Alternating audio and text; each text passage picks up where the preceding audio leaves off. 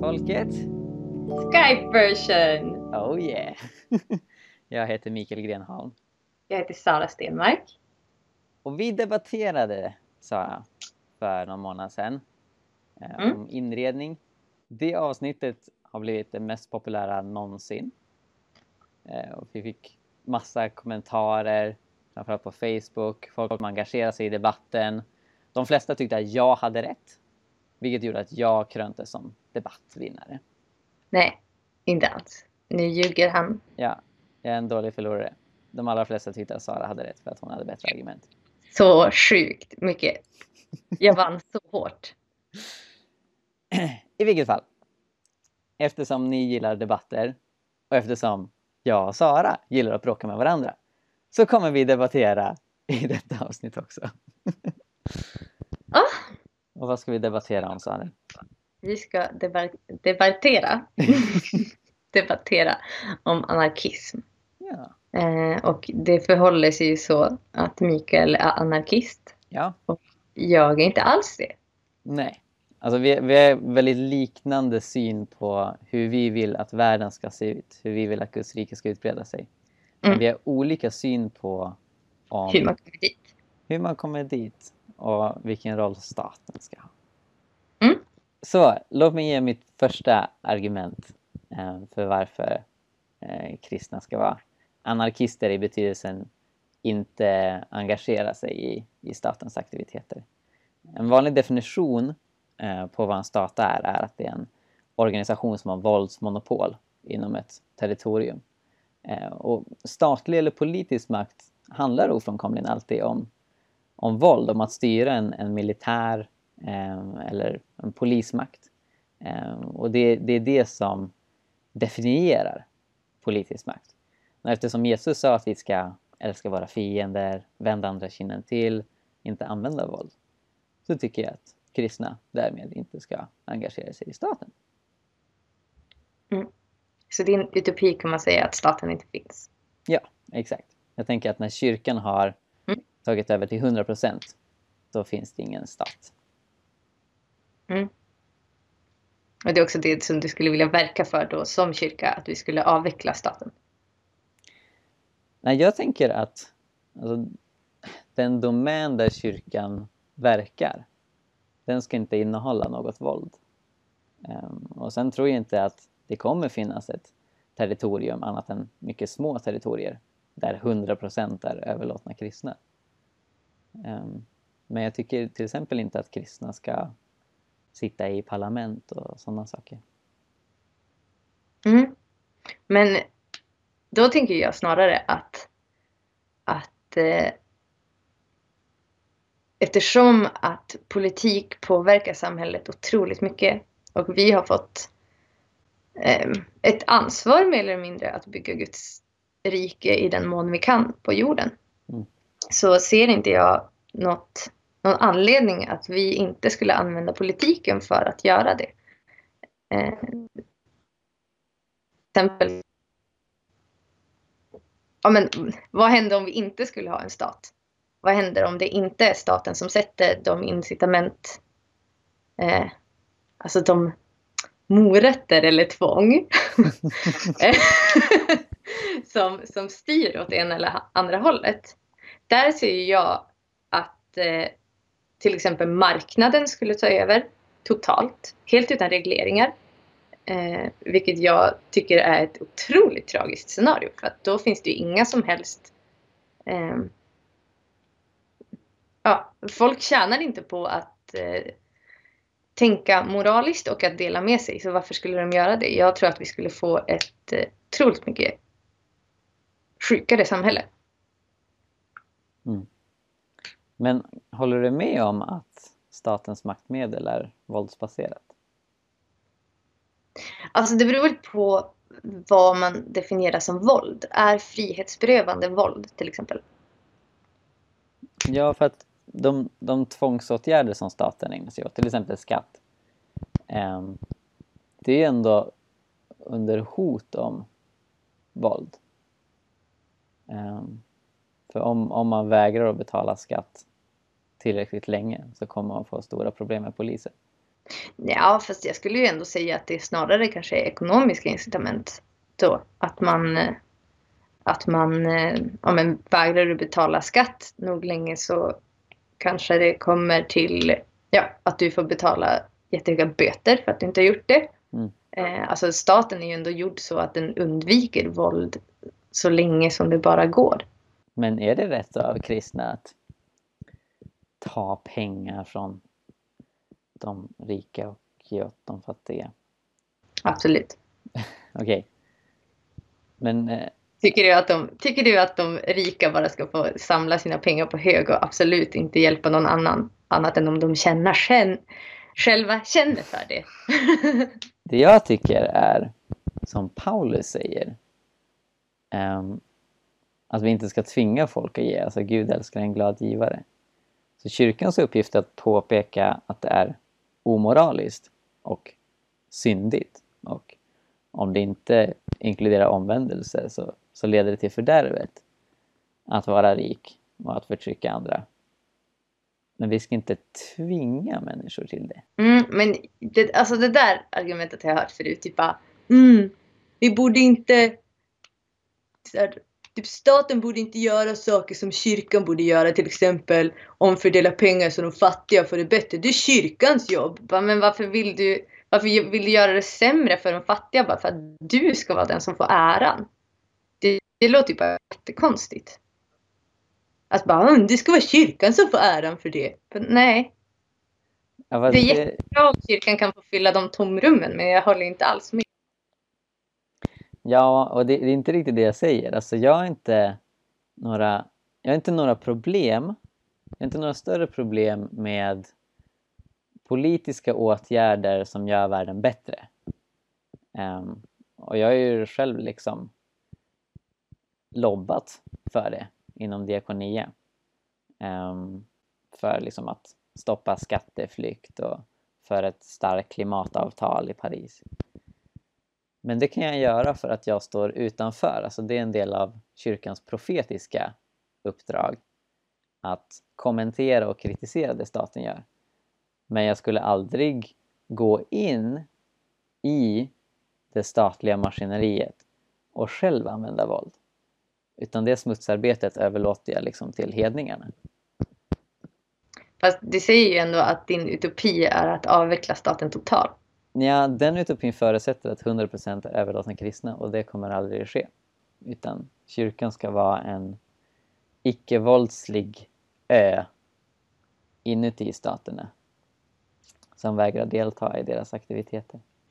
Och samtidigt som man då överlåter till staten helt och hållet att använda våld så mycket de vill. Alltså jag tänker ändå att man som kristen i politiken kan agera bromskloss när staten vill använda våld. Jag tror det fungerar tvärtom. Jag tror att makt korrumperar och att kristna försvagas väldigt mycket av att försöka gå in i staten och göra den bättre. Ehm, jag tror att vi förändrar samhället mycket bättre om, om vi är våra egna och lever i våra kommuniteter och skapar våra alternativa samhällen och använder oss av civil olydnad när staten vill annorlunda. Ehm, och att vi bevarar Guds rikes ideal rena ehm, på det sättet. Så, så du menar att staten ska finnas kvar och den ska lämnas åt sig själv och vi ska bara stå utanför och kritisera? Så skulle man kunna formulera det. Men, men vi ska ändå acceptera till exempel att staten tar skatter eh, och alla sådana saker. Ja, alltså så länge det är, det är liksom rättvisa skatter så finns det ingen anledning att kritisera dem. Det är bara att vi inte ska göra det. Att vi inte ska vara de som bestämmer det. Mm. Men du tycker ändå att det finns rättvisa skatter. Det är bara det att kristna får inte bestämma om det ska finnas rättvisa skatter. Vi, vi kan bestämma, eller vi kan eh, ge förslag utifrån. Och typ komma med rekommendationer.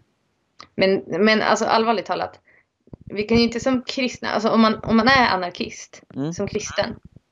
Så kan man ju inte bara backa tillbaka och tolerera att staten finns när den använder våld. För det är ju lika illa som att sitta med i staten och använda våld. Ja, du tänker så. Um...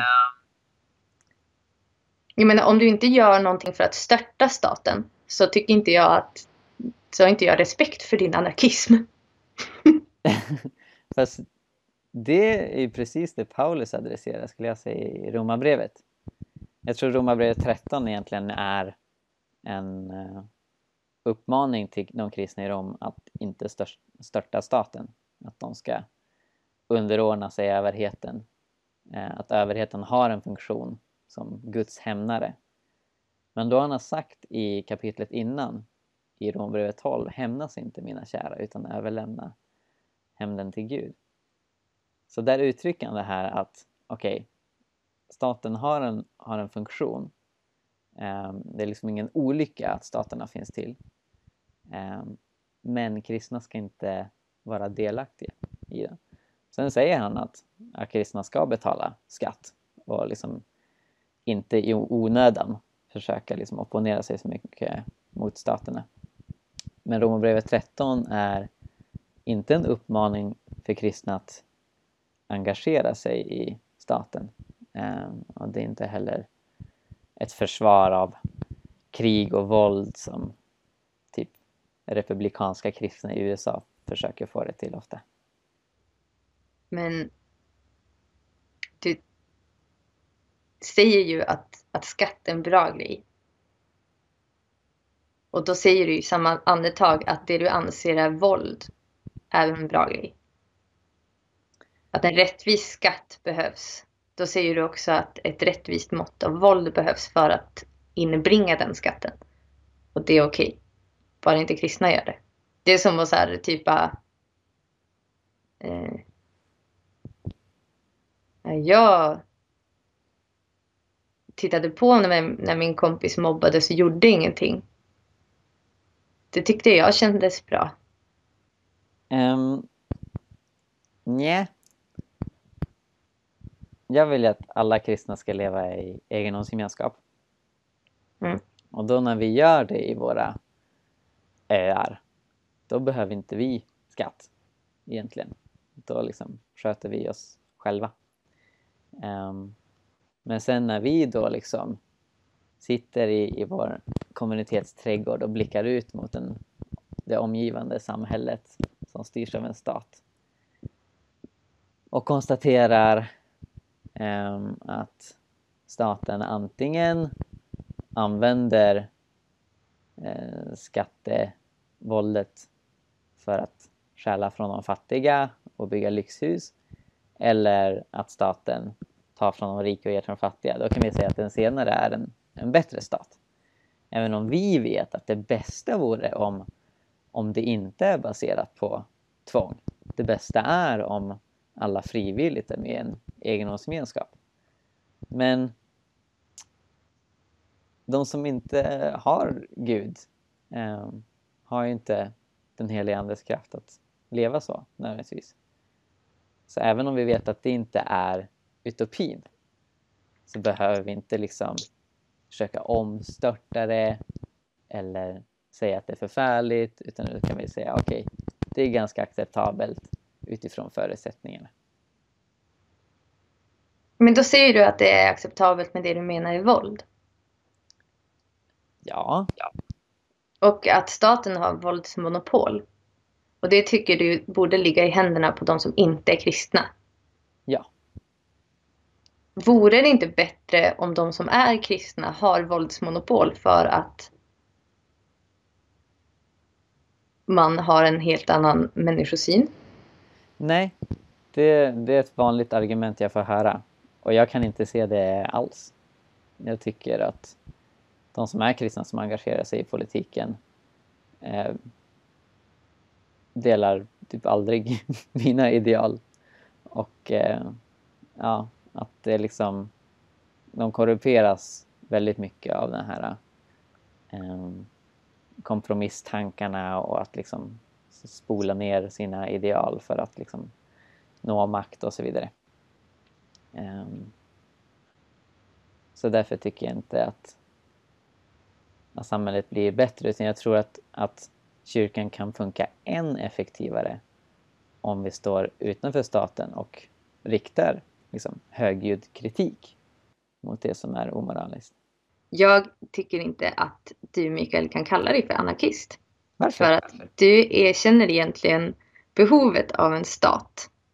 Eh, så länge inte alla är kristna, vilket du anser är ett omöjligt scenario, eh, så erkänner du behovet av en stat. Och visst, kyrkan kan ställa sig utanför, men du gör ju det eh, att det finns en god stat som kan sköta resten. Um, För att du vill inte bara lämna till exempel de fattiga åt sitt öde och bara synd, det finns ingen sjukvård för er. Typ. Eh, utan du vill ju ändå att det ska finnas en stat som kan ge subventioneringar till sjukvården till exempel. Men att kyrkan inte ska lägga sig i. Och då tycker inte jag att man kan kalla sig för anarkist. För att en anarkist vill ju per definition inte ha en stat överhuvudtaget. Och inte i något slags drömvärldsscenario. Mm. Om allt var annorlunda så skulle jag inte vilja ha en stat. Ja men om alla människor istället var katter hade inte jag velat ha en stat. um, Okej. Alltså visst. Jag kanske inte är anarkist enligt den etablerade definitionen.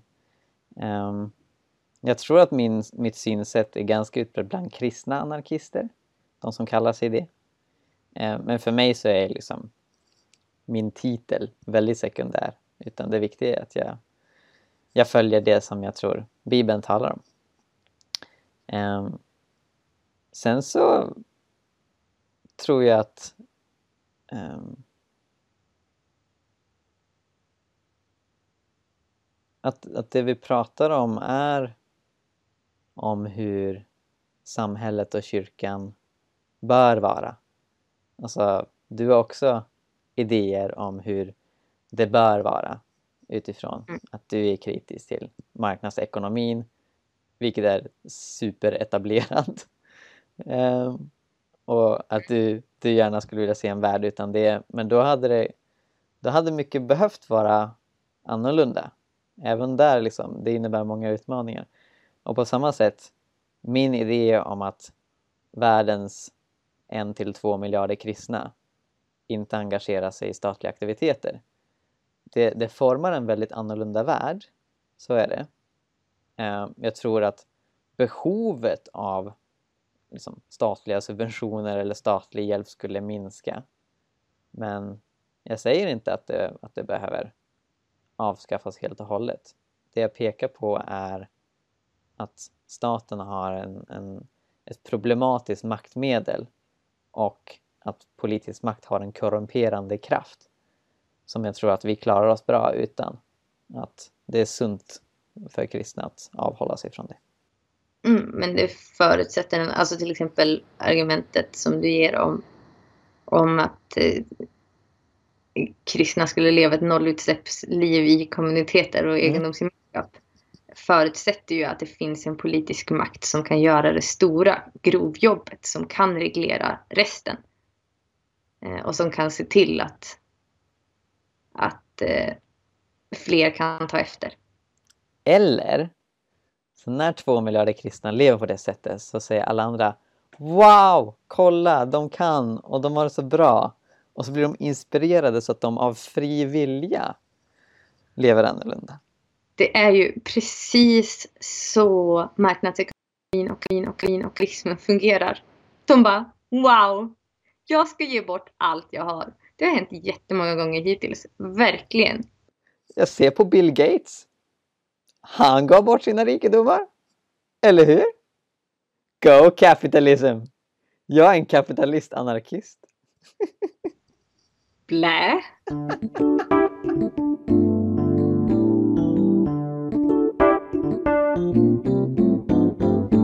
En av mina absolut största problem med anarki i förhållande till världsförändringar är att jag är fast övertygad om att ehm, att för miljöpolitiken som Mm. är global, som behöver vara global och som behöver eh, använda tvång för att genomföras. För att människor ska sluta vara dumma i huvudet och släppa ut en massa växthusgaser som förstör hela jorden. Där behövs absolut politik. Eh, och jag tror att vill man förändra där, vilket jag tycker är ett oerhört kristet sätt, eller kristen sak att göra för att det handlar om kärleken till nästan. Mm. Ehm, så tror jag att det är väldigt, väldigt svårt att komma ifrån politiskt engagemang. Mm. Det är ett bra argument, Sara. Tack. För där har man också tidsaspekten, att tiden rinner ut Ja, när det precis. gäller att rädda miljön. det. Ehm, men när det gäller miljön så har vi också sett där hur det blir väldigt mycket kompromiss. Hur man liksom möter folk halvvägs och liksom med små förändringar försöker förändra beteende vilket inte funkar för att det behövs stora förändringar. Jag tror att även där om kyrkan snarare fokuserar och det kanske inte utesluter varandra men om kyrkan fokuserar på att skapa alternativa samhällen så bara, nej men redan nu så etablerar vi kommuniteter som är koldioxidneutrala och visar hur, hur man kan leva. Att vi inte behöver vänta på ett nytt COP-protokoll utan att vi redan nu lever ut det. Så Mm. tror jag att ehm, vi hade haft en ännu bättre moralisk, moralisk utgångspunkt och, och att vara ett moraliskt samvete snarare än att vi skickar massa bibelskolor och elever till Kristdemokraterna och Vänsterpartiet och säger åt dem att fixa saker politiskt. Mm, alltså jag tror ju snarare att vad vi skulle, alltså nu kommer folk att tro att jag är antikrist, men, men eh, jag tror typ att, att eh, för att lösa miljöproblemet så skulle vi må väldigt bra av en världsdiktator. Och där försvann Saras mainstream Ja. position.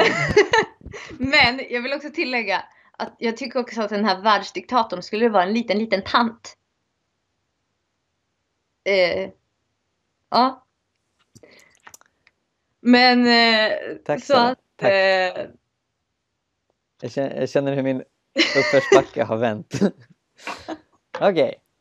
Ja, men men men jag, jag tror att det är en jättefin sak och jag tror att det ger mandat att, att man lever som man lär och lever ut ett nollutsläppsliv. Mm. Men vi ser fortfarande extremt stora problem med, alltså för att tiden är så knapp. Så tror jag inte att det räcker, tyvärr. Mm. Jag tror att vi behöver extremt, alltså dels enade globalt eh, regleringar som gör att industrier i synnerhet kan eh, sluta. Mm. sluta släppa ut. Mm. Okej. Och jag tror att en liten tant skulle fixa det Mm. jättebra. Får jag bemöta Ja, världsdiktatorsargumentet? För jag tror det här visar faktiskt varför jag, trots vad folk kanske ursprungligen tänker, har rätt. Ni förstår, eller du, du vet det här, men alla lyssnare, ni förstår att det råder redan anarki i världen. När man pratar om internationella relationer så pratar man om anarkin eh, i världen utifrån att det inte finns någon världsdiktator och aldrig har funnits. Eh, och problemet med att insätta en världsdiktator eller världspresident som ens är demokratiskt vald eh, är att oavsett kön och ålder på den personen eh, så finns det en enorm risk med det. Eh, att det leder till, till massivt lidande. Eh, på grund av felaktiga beslut eller rent av onda beslut. Eh, och det handlar återigen det här med att makt korrumperar. Man, man ska inte liksom relativisera det. Eh, man, man ser ganska tydligt, ju längre diktatorer sitter på sina poster, desto galnare blir de. Alltså det, det, makt är som en drog egentligen som påverkar hur man funkar. Och det är samma sak med kändisskap. Um, och, och, vi ser liksom redan nu i, i världens mäktigaste och rikaste land liksom hur, mm. hur det går ut för uh, med, med att narcissist kan, kan bli så populärt va? I mm. och med Donald Trump. Men mm.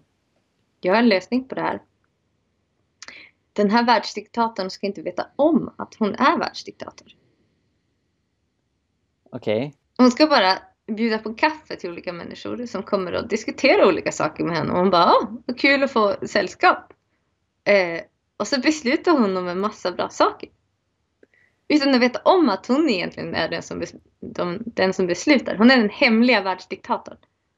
Det, det låter återigen superriskabelt. Nej, det tror jag verkligen inte.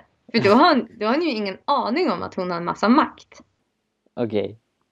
Ja, nej men det, det här känns bra. Så, kära lyssnare och tittare. Eh, röstar ni antingen på min vision om inget våld och vi sitter i kommuniteter och har det trevligt. Eller röstar ni på Saras vision om att en tant, förmodligen hon själv, är världsdiktator och bestämmer över el och alla andra. Gå in på... Men om dig själv. Hon bjuder bara på kaffe och kakor. Gå in på Jesusfolkets Facebook-sida och rösta. Um, jag skulle vilja avsluta med ett bibelord och så får vi erbjuda våra, vår tolkning av det för jag tror att vi tolkar det annorlunda. Eh, Jesus säger i Matteus 20 ni vet att folkens ledare beter sig som herrar över dem och att stormännen härskar över dem. Men så ska det inte vara bland er. När den som vill vara störst bland er ska vara de andras tjänare. Den som vill vara främst bland er ska vara den andras slav. Jag tolkar detta som att Jesus rätt och sagt förbjuder sina lärjungar att vara politiska ledare. Därför att det här med att Eh, vara herrar över och härska över människor, det är liksom definitionen av politisk makt. Jag tror att när Jesus pekar på att de ska tjäna istället underifrån så säger, erbjuder han inte något alternativt politiskt ledarskap utan han pekar på att politiskt ledarskap är inte, är inte det ni ska ägna er åt utan ni ska påverka civilt och genom att hjälpa människor och lyfta upp dem så här. Mm. Mm, jag tänker ju snarare tvärtom då. Att eh, folkens ledare beter sig som herrar. Eh, och att stormän härskar över dem. Eh, att det här handlar om precis det, ett alternativt sätt att utöva politik. Att tänka sig som politiker som ett folkets tjänare och komma för att betjäna och vara egentligen en slav under folket. Så tänker jag. Ja.